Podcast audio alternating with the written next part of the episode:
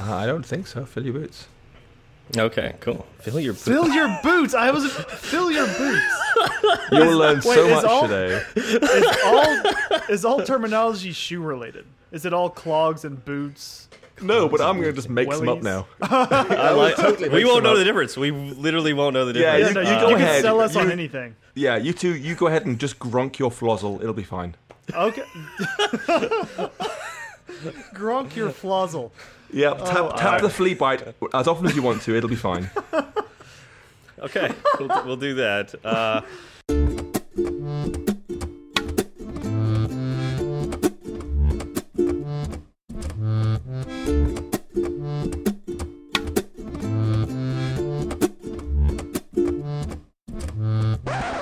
Hello and welcome to the Paul Hudson podcast, where I talk to you about Swift for six hours straight, with occasional breaks where I entertain you with some recent songs I wrote on my banjo. So let's dive in with what's new in Swift 4.2. whoa, I hope whoa, you'll wait, wait, agree wait, it's wait, lit- wait, wait, wait, wait, Whoa, wait, whoa, wait, whoa, wait, whoa, wait, Zach, whoa. Zach, wait.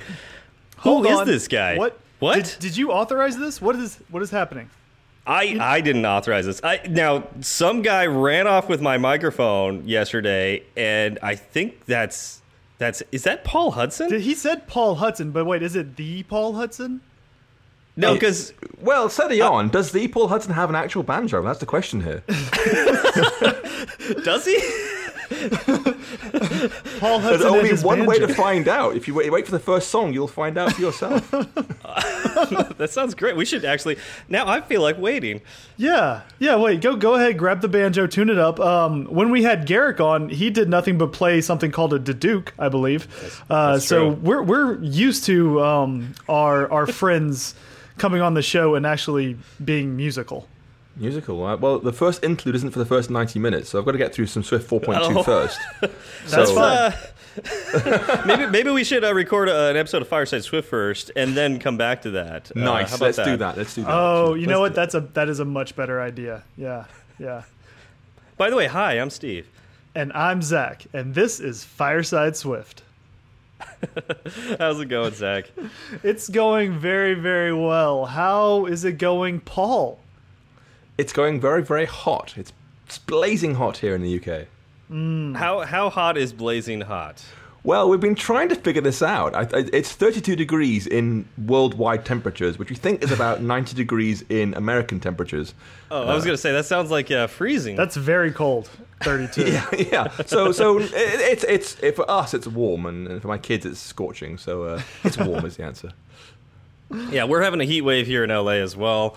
Uh, it's uh, about 81 degrees in Santa Monica, but the rest of LA is it's like over 110, over like around 120 in some places. Pretty insane. I, I can't even imagine 120, and Austin will routinely go to 105, 110 during the summer. 120 sounds face meltingly hot. Oh, I grew up in deserts, and the deserts were not. It w that was not uncommon to get 115, 120 in the summer, and it's hot, but Ah. you stay indoors. you stay indoors and you crank the AC. That's the brilliant thing about, about British summers. When it, when it gets hot here, no one really knows what to do. So they'll go outside and they'll sunbathe and then get sunburned and they'll have no idea what to do. They'll- they'll- this is really bad. Why is my skin hurting so much from the day start? It's this, We're this, not- this, this we're not ready feedback for it. loop of just terrible decisions. Yeah, it's the same when you have like snow. We're really confused by really big snow. We've got no idea what to do. We're not cut out for it. So I wouldn't. I wouldn't know to do what to do in snow. British Uh, not at all. people don't know how to handle weather, is what you're telling me. It, well, the thing is, it, it's a very temperate climate here. It doesn't get too hot, doesn't get too cold. So any sort of unusually extreme weather for us is just confusing. The trains stop, for example. If, if it gets too rainy, the trains stop. We don't know what to do. Really? Yeah, I thought it, I thought it rained a lot there. Not comparatively. No, I mean it rains more in say Seattle. But I mean, it's like because when we, we we build these train lines all across the country, with lots lots of train lines, and we put trees next to the train lines, and the trees drop their leaves around autumn or fall, as you'd say in uh, American land. Uh, and the, when the rain hits the, the leaves, you get this kind of mush, this oily mush, and it makes Yep. trains Oh, gotcha. unable to brake properly. They can't slow down properly. So uh, all the trains a- go go crazy. Yeah, yeah. Braking is a fairly important use case for trains. So I've heard. is I would- important. It is important. I've heard that too. Yeah. Yeah. We don't have we don't have enough in America for me to really understand it. Um, Trains, in leaves, fact- or rain? Which one? Yeah, exactly. Trains, uh, trains, trains. Got plenty of leaves, plenty of rain. Trains. I just, I, Yes. I don't get trains. I guess I don't know. The Well, we don't have terrible we- socialist invention, right? That's what it is. Yes, Uh, terrible. Yeah. Well, I mean, we do Mass have trains in. America, but uh, oh, I did actually ride a train down to San Diego. What two weeks ago? Uh, that is a fantastic way to travel, by the way. And it I can is. only I'm- agree. Of course I'm, it is. I'm jealous because I have been to uh, I've been to England before when I was younger, and we took the train everywhere, and I thought it was amazing. And you know, got back to America, and I just wanted to get on the train to get wherever I'm going again. You know, it makes things so much simpler. And I guess you Yeah. you have them. Uh, you know, in the uh, Northeast, kind of in the New York, Washington D.C. area, I know a lot of people take trains, but you know, south, down south in Texas, no, no trains. Yeah. Well, you're too spread out. Yeah. But Uh, we're- trains we're- are we're sta- fast. that's the that's the power of trains. They're quick. Yeah. Uh, the ones we the ones we have in L. I was gonna say we, we're starting to build out the transit system in L.A. Um, but our trains are slow. At least I feel like they're slow. Like the Metro line takes an hour to get downtown. If you were to drive that, if there was no traffic, you'd get there in like 15 minutes. But Wait, what? with, with with traffic, you can get there like in 45 minutes to an hour. so the train is actually slower than just driving your Yeah. car? It is. It's it's because there's a lot of stops and it goes pretty slow between each stop. It's like 30 miles per hour or something. Is it one of those sort of cartoon trains where sort of like characters sort of pump you up and down to move? That's what it feels like. Except everybody's angry though. Like uh, in those cartoons, everybody's happy. Uh, you know, the, you get the you know the people hanging out the windows and stuff. You just yeah, you don't get that here. Oh to be fair, God. if it was 120 degrees Fahrenheit, I'd be angry too. Me too. Yeah. All right. So um, we don't have notes for this episode, but I'm going to ask you, Zach. Do we have any follow up? Uh, we don't have any follow up that I've seen. We we were Okay. we were clean last week. That's what that means. Or at least well, I that's, how, that's how we're interpreting it. I, I did notice a few people were curious about the new logo. Oh, Um, that's right. I did see some feedback on that. Apparently, nobody liked it. We're just going to have to change it back. Yep. Just go back Yeah. to, to your hand drawn. Uh, My hand-drawn. Yep. Paul, have you seen the new logo? I think so. I thought I thought I thought it- I did. It's on Twitter, right? It's Yes, on Twitter. Yeah, it's yeah, yeah, on yeah, Twitter, that, yeah. that I have. Yeah, no, it's nice. yeah, yeah, Yeah. okay. Yeah. All right. I just curious. So I like it. At least that's one person likes it, right? That's one person. All right, all right. So maybe we'll have to keep it. We're we're one Uh, for one. Let's not ask anybody else. I, I think I'm, I'm a big fan of logos that work in any color. Personally, if I had to choose, Actually, that was the hardest thing. Um, Zach and I literally talked for about five hours, just changing the colors of the logo. Like, do you like this one better? Do you like this one better?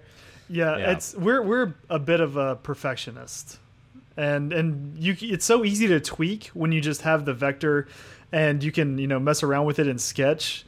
Uh, it it becomes so time consuming. I could still be doing that. In fact, we finally had to just make a call. We had about twelve logos done, which we whittled down to six, which we then increased back to nine as we created more, and then we got it down to four to two, and then finally chose one. And that's what we settled on. And it, we're not like completely in love with it. Like it could, like, well, I'm in love with it, but like it could, uh, it could change at any time. So I don't want to like say that those are our colors and that's Fireside Swift now. Uh, but uh, you know, the logo I think will will stay the same. It's Yes. just uh, you know what color we can do with it. And the, Yeah, but the being- beauty of it is flexible is, is nice because you could say, hey, you know, it's it's a special month. Let's do leopard print. that's exactly what I said. I That's want, what we haven't tried yet. There you Leopard go. print. That, Tartan. Go for tartan. Tartan's nice. What, what is what is tartan? have you Tar- seen tar- a kilt? You'd call it plaid. Oh, plaid. Yeah. plaid, plaid, yeah. Tartan. yeah, yes, okay. but there's, uh, with the British theme of your episode, you see, you we keep in mind as as guests on the Paul Hudson podcast, you have to use this kind of British terminology. I just I would sense. like to point Yeah. out that I, I'm following the rules. I, I pulled out kilt. That's Nice. That's all I'm saying. You did, you did. I did not, but you did. Uh, I'm keeping track. I'm keeping track. That's one 0 So, uh, sorry, one, I am- one zero. What do you call it? I'm- Wait, I was about to say, does that fairly mean certain I'm going to lose this game. does that mean Steve is optional oh, to to bring it back somewhat swift? yeah, that's good. That's good. Um, all right, so you know, right now we are speaking to each other. Um, and so Yes, we're we are. practicing. Yes, we were practicing uh, as if we were going to speak to large groups of people, right? Mm-hmm. Like, uh, you know, I know that there are people listening out there, but like, I'm, I'm, I'm in front, like in, in my apartment, just in front of my microphone, and just sort of, uh, you know, practicing this. Mm-hmm. Um, so, what, what I'm trying to say is. Uh, what are uh, some other ways we can practice public speaking? Because Paul, it sounds like you do that a lot. Yeah, that's Uh, the that's the funny thing. We lucked out because uh, Paul gives he goes to conferences and gives talks on Swift uh, fairly regularly. I think um, Paul, how many did you say you're doing this year? Uh, I think I'm down for 16 right now. Woo! Jeez. Yeah, and the, sa- the sad thing is, it's not. I wouldn't call it regular. It's it's frequent, but it's not regular. Um, Okay. Because of the, for some bizarre reason, we, we lump our conferences together. Uh, you know, Oh. September is a very very busy month for Swift. I guess because that's when iOS 12 will come out, whatever. But uh, so much happens in that one month. I think there's probably eight or so conferences around the world, nine maybe, uh, in that one month alone. Man, Wow. that's incredible. I, Very you know that's that's interesting because I I actually didn't realize that. I thought the big time would be in June around WWDC, where at least I know three or four conferences are grouped. Yeah, so they group them around Dub Dub itself. You know, because you know, obviously you're there, and people often get turned down. There's only five thousand tickets available, so they're going to be in the area anyway, and they like beating up. So fine, they group it around there. So there's Try Swift around there. There's layers. There's Alt AltConf next door as well as Dub Dub itself. So that San Jose hub is is huge. But you got to Yeah. keep in mind, a, a lot of folks uh, wisely say, "I'm going to spend." Two months, three months with the technology kind of noodling around a little bit until I feel comfortable with it, and then I'll deliver a talk on it. So June is difficult because Apple could have literally thrown away what your talk was going to be about at Dub Dub. So uh, That's true. only a, an idiot would give a presentation on what's new in iOS on the week of WWDC. Now, let's keep Spoiler this alert, really I, I did just that, by the way. In case you wasn't aware, I, I did a talk on iOS 12 in WWDC week. Yeah. How did no, that that's, go? That's, that's a valid point. What was that, Zach? Wait, what did did Paul say? You you gave a talk about what's new in iOS 12 during Dub Dub, I did. and how how did that go? It was brilliant. It worked so well. but it was I can't. The talk was prefixed by saying, "Listen, you know, um, we are halfway through WWDC, which is a Monday to Friday event with four simultaneous streams plus labs, uh, and it's very very busy. You know, nine till six, nine till five every day. And we're currently Wednesday and 11 a.m. It, the talk was given, so we're less than halfway through the week." Uh, and I'm going to be now talking to you about the new things in iOS 12 before Apple has talked to you about what's new in iOS so it'll be literally the first time this talk has ever been aired. Uh, so I had to install Mojave Beta 1 on my Mac and iOS 12 Beta 1 on my main uh, uh, device, which is which is obviously great by itself. Uh, yeah, yeah. And then talk for three quarters of an hour about what's new in iOS 12. And actually, it worked brilliantly. Everything worked first time. It was all live coding. Everything worked flawlessly. It came off. I got multiple rounds of applause. I was genuinely surprised. All worked so well.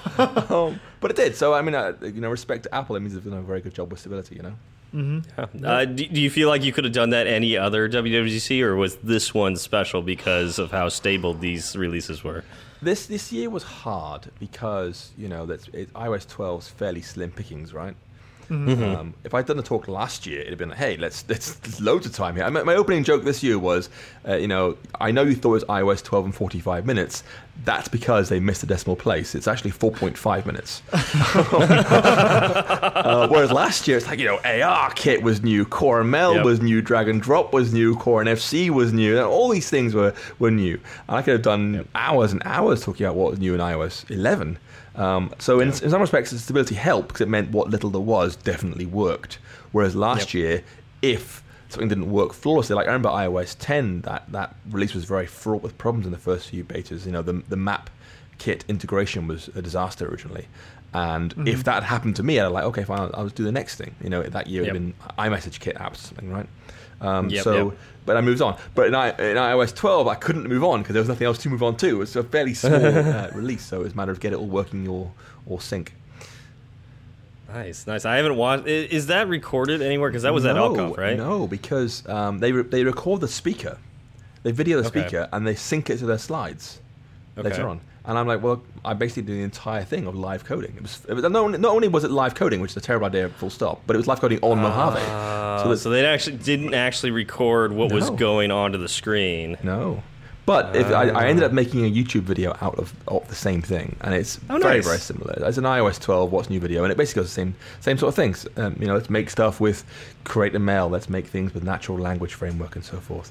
Oh, that's Awesome. fantastic. We need to get the link uh, for that video and drop it in the show notes. Definitely. Okay. Yeah, definitely, definitely. Yeah, so remember to get me that later. Um, I'm right, I'm making a So- note right now. so, Paul, when um, h- how? Okay, I guess I guess the let, let's start at the beginning here. How do you even get invited to speak at any of these conferences? So not many folks actually invited directly. Um, you know, they Okay. uh, some conferences will cherry pick people. They'll say, you know, so and so is uh, uh, either well known or the expert in the area. We want them to speak. Uh, and sadly, in our particular area of the uh, of, of the community, in Swift, um, they do this entirely based on um, celebrity status, effectively. How Oh. well known is this person? Um, Yeah, yeah. And, and, you know, there are a few folks I really respect and love in the community. People like Soroush Khanlou. I mean, he's a real celebrity to me. Someone who, who will get uh, your views to your conference, right? Which is what they want. They want to sell tickets ultimately, which makes sense Right. Yep, yep. when actually really they should be using these invites to make sure they have a diverse speaker lineup because you know I, I, you get conferences where it's like a, you know it's an all white all male uh, Yep. and it, it's like there's what it's 30 people and there's not a single you know uh, man uh, woman there for example. Uh, it's Yep, Uh, if, if they're going to cherry pick people they're going to say like I'm going to pick A B C and D that's your chance to kick your conference off on the right foot and get make things really work. Um, so when they cherry pick sadly it's nearly entirely based on is this person famous or not in the in our community which is a shame so, what- so what you're saying is you're famous. I think that's what he's no, been no, saying. I, no, no, no, no. I, I, I, honestly, That's- I, I that's get, what I'm hearing. I, get invited. No, no. I'm, I'm, I'm distinguishing between invi- invitation and acceptance of proposal. yeah. You know, so, So- what, so- so, the difference is so- when, you, when you see a conference launch, they'll say, "Hey, a new conference has come out. We Mhm. have A, B, A, B, C, and D speaking, Yep, yep. and we have a call for papers open." The invitation is those A, B, C, Ds. Yes. the people who they want to come and speak based on the power Yeah. of their brand. They want to come and speak. Everyone else goes into the call for papers, and nearly always I submit papers. I am very rarely in the invitation stage. Yeah. No, that that, that makes sense. Uh, I I know I've seen that, and that's. Uh, I figure if one, one of these days, if I if I do a talk uh, at a conference, which is again it's one of my ultimate goals, so I, I definitely want to do this one day. Um, I'm going to have to come up with a topic myself, Yes. and I write a is it write a paper or write uh, like create slides or something like that. Like It's a, it's, it's a proposal. okay. But So of, what's- of the 16 this year, I think I've only been invited directly. Like, "Pa- Paul, will you please come and speak at a conference? Maybe, maybe like five. The other Okay. two thirds I've submitted papers for saying, here's what I'd like to talk about, and then got feedback based on that.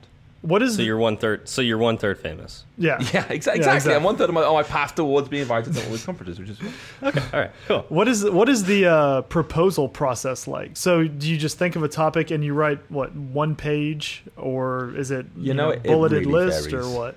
There, There's Okay. no standard, no standard like thing people use. Every conference is different. What they ask for is different. What they look for is different. You know, the the Venn diagram of what they want and what you have to offer. It's it's you know hitting that sweet spot is kind of random sometimes. Um, but you, that's why you do your research. You look out for conferences that sort of hit your sort of area. You know, and, and, and you know, I, I- I got turned down early this year for a conference in Barcelona, the App Design Development Conference, ADDC. Um, And you know, their their sweet spot is way more towards design. And uh, it's, got, it's got development in the title, right? App design and development. But their sweet spot really is we want design stuff. Um, and that's not my sweet spot, so I got turned down. You know, Well, that's like layers, right? Like layers is a more of a design, Yeah. uh, you know, UI UX ish conference. yeah. Okay. Okay. Um, how do you prepare for giving a, a speech? Whew, you know, it takes a long time. it takes a long time. Uh, it takes. Uh, I don't. I don't think people really realize how long it takes to get. I mean, I'm not. Uh, I don't want to be too immodest, but I, I deliver pretty good talks. Right, people like my talks. Uh, I won the best talk at Next Door, for example, um, Hmm. and which is, which is gratifying. I, I like people liking my talks. Mm-hmm. I like people saying they love my talks. It's, it's important to me, but I don't think people realise that for a a half hour talk or a 45 minute talk, it will take 50 or 60 hours of Yeah. preparation. You know, we're talking multiple, multiple days. Eight, if you think about an eight hour day, you know, I did a talk in at next door, which was an hour long slot. I must have spent, Mm-hmm. you know, 10 eight hour days, 80 hours preparing that presentation. And it lasts Yeah. one hour, like one hour, poof, it's gone, and that's it. Like, yeah, Yeah, yeah, yeah, good yeah. talk, well done. But that took me a long time to prepare. Yeah. Um, you know, it had multiple After Yeah. Effects sequences, multiple Photoshop works I put Yeah. together and so forth, plus lots of code samples and preparation and so forth. I mean, it really is very, very intense Mm-hmm. if you want to be good.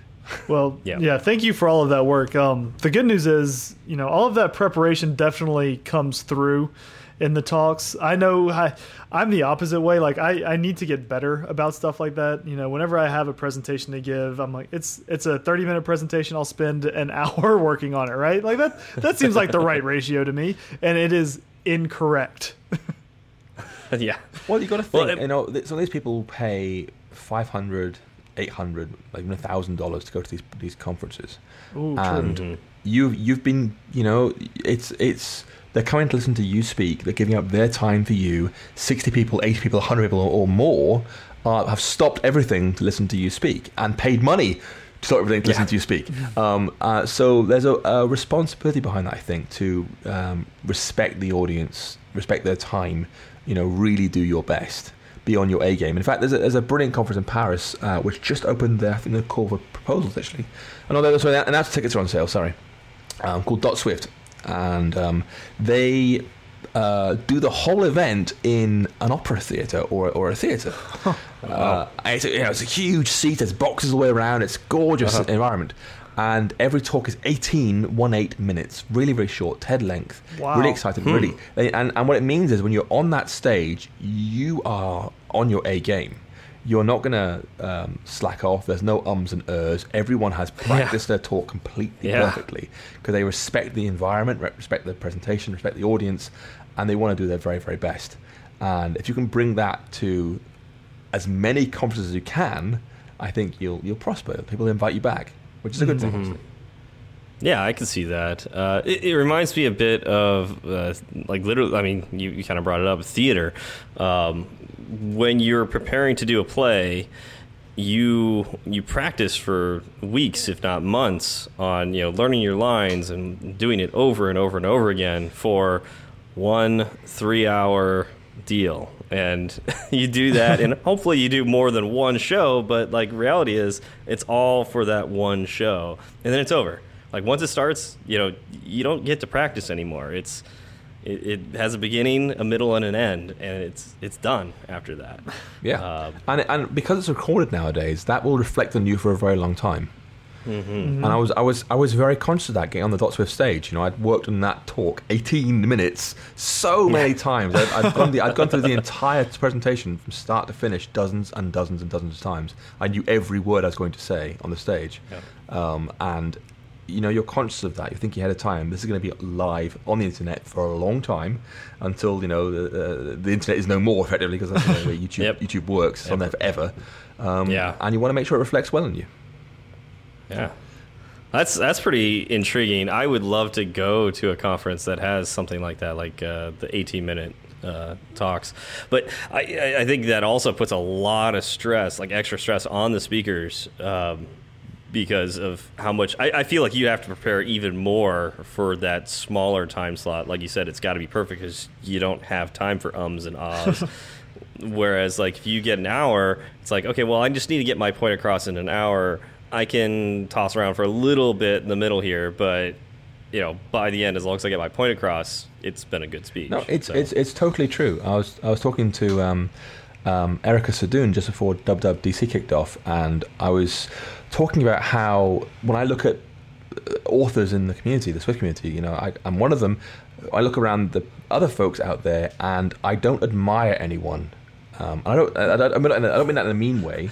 You heard it here first, everybody. yeah, yeah. But I, I, I mean, what I mean is that I, the people I admire, the writers I admire, are folks working in mainstream media, because you know, I, I, as I said to, to Erica, I worked on a uh, magazine for a long time, eight years, doing a, a Linux magazine.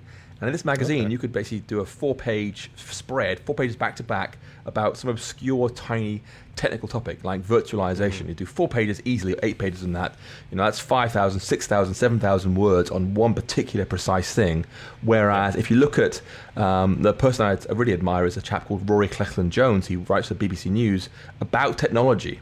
And his job is to take things like uh, the True Depth camera on iPhone 10 or um, AR kit, whatever, and explain them in 500 words to an audience who doesn't really care or understand. He has to make them understand and make them care and explain to them why it's important in hardly any words. And that's the kind of author I admire. Someone who can take a complicated thing and get it explained to an average person on the street and say, "This is exciting. Here's why," in a condensed, concise way. That's people people I admire, and that's hard to do. That's Oh, much sure. much harder to do than writing eight pages of just waffle and chat, which is what, which is what I love. I love that like, I can chat about. I can be eager at AR Kit for hours and hours and hours, but to get it to, down to a tiny amount of space to someone who doesn't really care and say, "This is why it's cool," and they go, "Oh yeah, that is cool." That's Yeah. skill. That's mm-hmm. impressive. That, that I really admire. That's what I mean. Yeah, that that is a very very good way of putting that. Um, you know, speaking of being able to say something in a succinct way that makes sense. Um, no, that that actually makes a lot of sense. Uh, it kind of goes with the kind of the podcast I admire. Um, have you heard of Gimlet Media? Uh, no, no. Uh, the startup podcast, uh, they reply all. They've they've got these very highly produced podcasts, and uh, Zach and I talk about them, uh, you know, in our spare time a lot uh, because uh, they they have this really great sound to them. But part of it is like it's very highly produced and.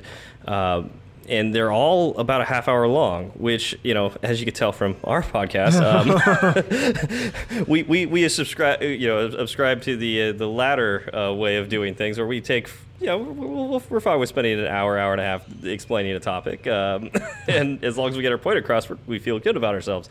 But man, if we like, I, I think if if Zach and I were to realize our ultimate goal in Fireside would be yeah, like our goal is to speak to people who don't quite understand these topics. We want to make it um, as casual and easy to understand as possible. But in order to do that, we would need to spend a lot more time on editing, on practicing, on writing notes, and things like that. And so we could write a more succinct episode. And uh, yeah, that that would be amazing. Yeah, that would be amazing, but uh, it's time that just doesn't exist for us right now, unfortunately. But Yeah. I feel challenged now. I really want to be able to do this. Well, no, it, I, I don't think it would be amazing. Um, You because, don't? okay, well, Because it- immediately because it shot would- down. I, it's fine. because it, well, it, it wouldn't be you anymore. If that makes sense. You know, there are, there are podcasts out there that are highly edited and are highly concise and do get the point across, but that's not Fireside Swift, and that's not what folks listen to you for. True. Um, and you know, if you want to come on, come on the Paul Hudson podcast, and you know, um, but, but it's also- I mean, do I have yeah, to bring this my is- own this- banjo? people listen to the I expect people listen to the podcast because it's relaxed, because it's chatty, because it is interesting, because it's real, as opposed to um, I mean, it's like it's like Facebook and you know being a highlight reel of someone's life. Facebook does not re- represent real people's lives; it represents what they choose to show you. Uh, whereas Fireside Swift is not a highlight reel; it's, it's, it's just two folks chatting, or now three. now three. Yeah, I, I, that's a very good point. Uh, although I will say that I would like to be able to explain topics better, and uh, you know, while I, I think we would still have the aspect of Zach and I having a good time talking about it and around it, um, we'd probably spend more time talking about other stuff. You know, For sure. Definitely. we could explain the that's topic one of the really things that doing presentations I think helps. You know, you don't want to get on stage kind of understanding something. Mm-hmm. You want to get on, on stage, you know, really understanding something. You know, you, you've gone through the talk, you've kind of found the holes in your knowledge, you've filled them in research and so forth. You've really looked at the same thing, left, right, above, below, inside, outside, and so forth, until you really get it. So, Mm-hmm. you know, one of the best ways to learn is to teach, and, and getting on, I think, stage does really help distill your thinking. exactly. I believe that hundred percent. Yep, and that that was Yeah. one of the reasons why this podcast was created because I know that there's a lot that I need to learn about Swift, and I thought, what is the most effective way for me to teach somebody? Um, and that would be, you know, putting it on the internet for everyone to see. Or here. Yeah, yeah, I hear. M- most, mostly here. I would think mostly here. Um, we haven't uh, done any uh, YouTube videos at all, and I don't think we plan on it. Um, but uh, especially right now, like I'm sweating because my apartment. I had to turn off my AC, so uh, yeah, I'm I'm just really sweaty in my apartment. Nobody wants to see that. No, I, I'm, I'm glad. I've definitely got a face for radio. all right, um, Paul, do you get nervous still when you get in front of a group of people to speak? Uh, I guess so, but it's very, very channeled um, nervousness. You know, I, I was talking, I was in Switzerland talking to Dave DeLong, um, who has done multiple major WWDC presentations for Apple uh, in um, San Francisco. Uh, and he's now working at Snap um, on their iOS stuff. And I said, "Hey, Dave, you know, I'm just curious. When you get on stage, do you get nervous?" He said, "Yeah, I totally get nervous." So it's it's a normal thing, you know. If he gets nervous, I get nervous. You know, it's it's normal. Um, but I've learned over the years to to recognize that and channel it and kind of enjoy it. If that makes sense. Mm-hmm. It's it's um, it's it's a natural response to your body, you know, fight or flight. And I've learned to trade it into fight. If that makes sense, less flight, more fight. I get a real, Oh, I get a real buzz from it. I'm, I'm on stage and I am totally psyched to be there. Mhm. Um, so when I am bouncing around on stage, excitedly, it, it's it's all real. I am loving it. That's amazing. When when did you give your first uh, conference talk? Uh, it would have been only two years ago, I think. um, wow. in San Francisco at Forward Swift, which is now sadly no running, no longer running. Um, That's Yeah, it's, crazy. uh, not that long, not that long ago actually. How have uh, how have you evolved as a presenter between then and now? Whew, that's a complicated question. I, I, you know, I'm not particularly good at self-evaluation. Um, I think the the, the, the, the the main thing I, I I approach speaking like I approach any kind of problem in in an awfully, terribly, grimly programmatic way. You know what what, what did not Oh. go Grimly right? program- How can I debug yeah. my presentation style to do better next time? For example, I gave a talk at iOS Con in London um, last year, and it was a disaster. I mean, people loved it. They liked, they loved the talk. They said, "Oh, great talk! I loved it. Very impressive," um, which is very kind of them. But I hated it, uh, and, Oh, and I no. learned my lesson from that. Um, I, my, I hated it, hated it because I had a microphone, and they said, "Okay, put the microphone on you," and, and they they just put the mic on me normally, um, but they put it outside my t-shirt. And every time I gestured, I'd hit the microphone cable and knock the microphone Ah. off. Uh, and I did that maybe three or four times across 45 minutes. Um, and it was kind of funny the first two times, and it was really great in the last two times. So, I- but I, I, you know, I look back at that, I reflected, and, and now I promise you, when they say here's the mic, I'm like, okay, it's going into my shirt. It's nice. There's no option here. You know, I'm not like you do it. It's Yeah. going into my shirt. Um, you know, I have I have showered today. It's okay. Um, but you know, I I debug my talks. If that makes sense. So I do look back and say, what can I do better in a technical way? Um, Yeah. But something that's challenged me uh, recently is something that Daniel Steinberg said. He's a, he, he's a proper class act speaker. Not only is he a, a wonderful gentleman outside of you know work environments, he's a really really talented speaker. He's actually he's an actual teacher. He's a trained teacher.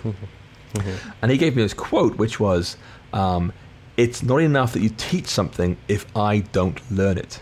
Huh. because you can you know deliver a great presentation or what you think is a great presentation you know getting your material across but if it isn't sinking in in a meaningful way if they aren't remembering it or at least building some sort of cognitive framework to go ahead and google things later there's not much point i mean maybe, maybe it was funny i don't know but if it didn't if it didn't educate why are you there so that's challenging me right now i can say hey that, that talk it was funny it was interesting exciting whenever well paced beautiful whatever did they learn stuff? And I'm, you know, going back and mm-hmm. thinking, how much should I really get across? Well, you know, th- there's those talks too that don't necessarily cause somebody to go Google something right afterwards, but it sits with you.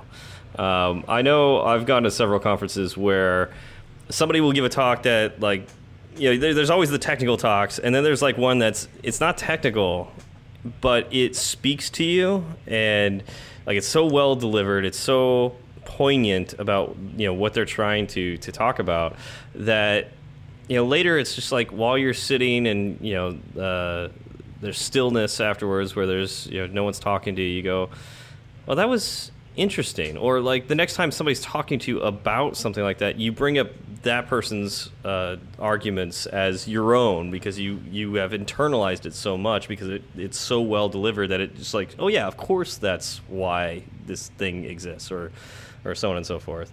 Um, I think those talks are very valuable as well. Oh no, totally, yeah. And I think finding the mix of all of them is the challenging part of making a great conference. If, it, if Mm-hmm. it's just hard hitting Swift stuff, you will you will tire out after three or four hours. It's it's a bit Oh, yeah. it's a roller coaster, right? You want some easy, some hard, some funny, some serious, whatever. Um, and finding that blend isn't just you know rolling a dice. It takes work. Oh, absolutely, Yep. absolutely. And I, I think you do a very good job of it. I've watched a few of your, your talks, and it also comes out in your writing as well, because I've read a few of your books now. And it, it's very apparent that that's the approach you have. And for me, speaking personally, uh, you know, I don't know what everybody else does, but personally speaking, um, it works really, really well. My my goal it, it's not dissimilar to, to Fireside Swift. Um, I want people to feel like we're just kind of chatting about how cool ARKit is or how cool stack views are or whatever it is. You know, I I am genuinely excited about working with Swift and working with UIKit, and if I can convey that excitement when I'm making interesting, fun, quirky, cool things in the books, then I'm happy. That's my only real goal is someone to feel like I'm just chatting to them. So I, write I write in a very relaxed way. I try to write in a very relaxed way anyway. Yeah, yeah. I, I think that I, I completely agree with that 100. percent uh, And I think there's two reasons that like I really agree with that. Is one, it, it relaxes me to be relaxed. If that you know, I don't know. It's just like it would stress me out if I needed to make this super formal. Like I, I can't do that. Um, and then two is I think that this programming stuff is it's so uh, it's so scary to so many people, and you know, it, and a lot of people that are deep in the industry try to keep it that way. You know that that this is something that only I can do because I'm so smart. But you know, it's it's really not that way. if if you spend some time on it, like this stuff actually gets to be easy and fun, and uh, I, I I that's what I want to try to convey to to everyone. Yeah, let's let's demystify it a little bit because it, it probably needs to be. It's not it's not easy. It's it's hard stuff, but like as as far as like uh, you're gonna face difficult problems and challenges, just mainly because you just don't know the answer yet. Right. Uh, there is a solution out there. You just haven't learned it yet. Uh, and that, I think that's the the hardest part is the patience and the, the ability to research and try to you know search Google to find the answer. Yeah, I, I think in some respect, I think um, folks in my position, you know, people who um, do read my books or watch my videos, and there are lots of folks out there who do similar things, who run blogs or write books, whatever. I think we have uh, a duty to help people understand that we're not special. You know, I, I, tweet, Yeah. I tweeted, you know, less than a month ago. Um, people keep asking me again, again, again, again. You know, you make me feel so lazy. You're doing so much work, and they always say, "How do you produce so much content?" or whatever. And I, at first, I hate the word content, but um, I, I, I, I responded that you know, I, I was, I was honest as honest as I can be. I no longer have to attend meetings.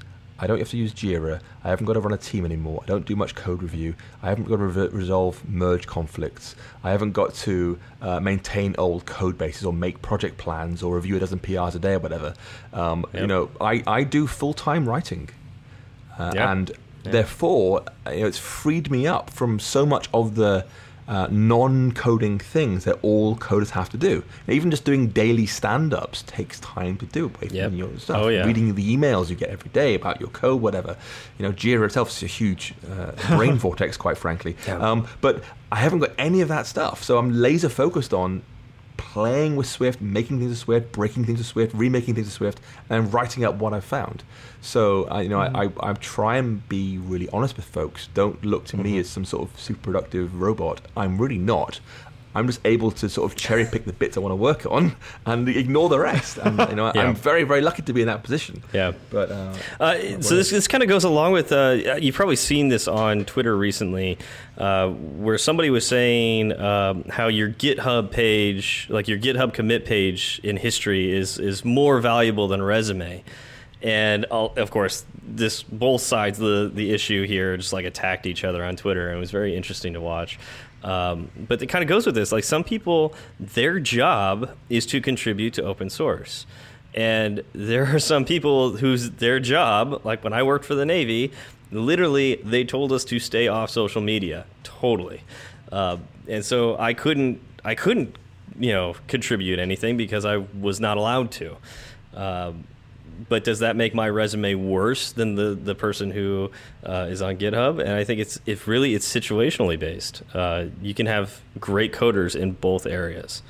Yeah, and I, I think there are you know there are a number of problems with that view, and uh, full stop. Uh, one of which is that you know having worked extensively in the open source world, you know Linux is all open source and free software. Um, you know, you, you get into this line of yeah, you know, it must be better because you've got a thousand eyeballs reading the Apache source code, and, and and you really don't. You know, I've, Yeah. I've never read the Apache source code. I, I never want to read the Apache source code. You know, I tried once reading the uh, uh, libc source code, and it still hurts my brain today. uh, and it just isn't true. You know, you may have a thousand source code commits, but no one's going to sit and read through your commits because it's mostly irrelevant things.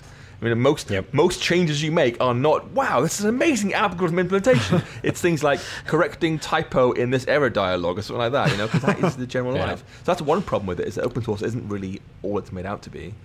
And second Yep. problem, of course, is that relying on what folks can do in their spare time as some sort of meaningful barometer of how good they are massively excludes people who don't want to do coding in their spare time or, or can't do coding in their spare mm-hmm. time. People who actually have hobbies that aren't just coding more things, you know, people who have ca- care commitments, look after folks younger or older than them. Um, And it's really exclusionary relying on that kind of thing. So I'm, I'm glad to see that shrinking away. And actually, there was a lovely tweet from someone at GitHub saying, you know, I, I, I work in recruitment at GitHub. Even we don't use GitHub for looking at resumes. That's awesome. I, I didn't see that tweet. Wow, from the mothership itself. Yeah. Microsoft now, right? So Yeah, Yeah. yeah, true. That's true. That is true. Uh, do you have any questions for us? Well, it sounds like you are edging towards programming conferences. Like you want to speak somewhere soon. Is that a thing? Are you, you Uh, I wouldn't say soon, but I would love to. Uh, we would both I- love see, to. what? What? Why Yeah. not soon? What's the reason why not Mm. soon?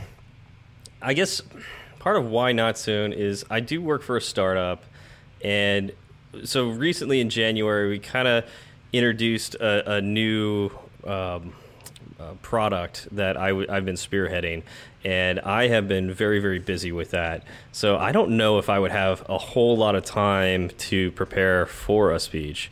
Um, so that's that's on my mind is like I would love to, but I'm thinking like maybe next AltConf or something like that coming around. Uh, but uh, yeah, I just I don't know if I can take that kind of pressure right now. I hear that. Right, but you, you've you're kind of coming from the right angle, though. You know, if I if I stand up and talk about uh, MVC or talk about protocol development, whatever, um, these are interesting topics, right? But there are views Yeah. on them. People can say, you know, you're completely wrong about architecture, you're completely wrong about Swift, you're completely wrong about whatever. If you're Sure. going to stand up and say, we've worked on this product, here are the th- problems we hit, the challenges we face, and how we solve them. People can't disagree with your experience. That's true. You know, Yeah. personal anecdotes are extremely powerful. They're always, always, always going to be important because you'll have hit problems and found solutions for those problems that no one else has found. Uh, and that, that's very valuable. If people are facing similar things, they can say, oh, yeah, I can adapt this thing to that thing and so forth. But it never gets old. Uh, You know, saying we tried this thing yeah. and it failed. We tried that and it sucked. We tried this and that worked. That's great. That's your entire presentation right there. yeah. Okay. Actually, that's that's a very valid point. I didn't think about that. Um, yeah, I could probably give a speech on that. Yeah. Um, yeah, so I guess I, I would probably need uh, uh, suggestions on which conferences to uh, to write a proposal for. Paul. As, as long as, as long as the as long as the end was it finally worked. Otherwise, it's like here are ten ways we totally failed at. well, no. So that's- that's even I mean, that's interesting by that- itself. To be fair, you know. Yeah, actually, that reminds me of my thesis. Uh, my master's thesis was a really, really difficult thesis because my uh, my thesis failed. Like literally, I disproved a paper with it, which is interesting in and of itself, but it sucked because like there, here's this thing that I believed would happen if I did, you know, if I created this kind of network, and it didn't. So I had to do extra tests around it to make sure that I, you know, my results from the initial test were, you know, accurate, and uh, and then present it as an arguments for why the paper that was Oh. submitted before was wrong. No, no, it's true. My- I had the same problem with my master's thesis. Uh, my, you know, I spent spent a year writing it, and the answer was no. yeah, Hooray! exactly. Yeah. So I, Uh, so Zach, what what speech are you gonna write? that's the that's the thing. Then that was going to be my question to Paul. Is uh, you know I have very limited um, work so far in Swift, very li- limited experience, but it's growing, right? Um, what I would I wouldn't even know where to start on you know how to write a proposal or coming up with a good topic because everything still feels so new to me. Uh, would it just be a matter of picking out one very discrete uh, piece of functionality offered, you know, in iOS or Swift, and then kind of going down and uh, researching that, or what? Well, I, I actually got a suggestion here, Paul. If you don't mind me jumping in. Go for it. Uh, wait, wait, wait, Zach- no, no, I can talk to you any y- week. Yeah, I know, but, but like, let me throw this out, and then I'll, I'll let Paul decide whether or not this is a good idea. You could talk easily talk about how you know going in from being a beginner to starting a podcast, and a year doing that and and growing that. That's true, but the, thing with that is, does anybody care? And that that is, I mean, honestly, right?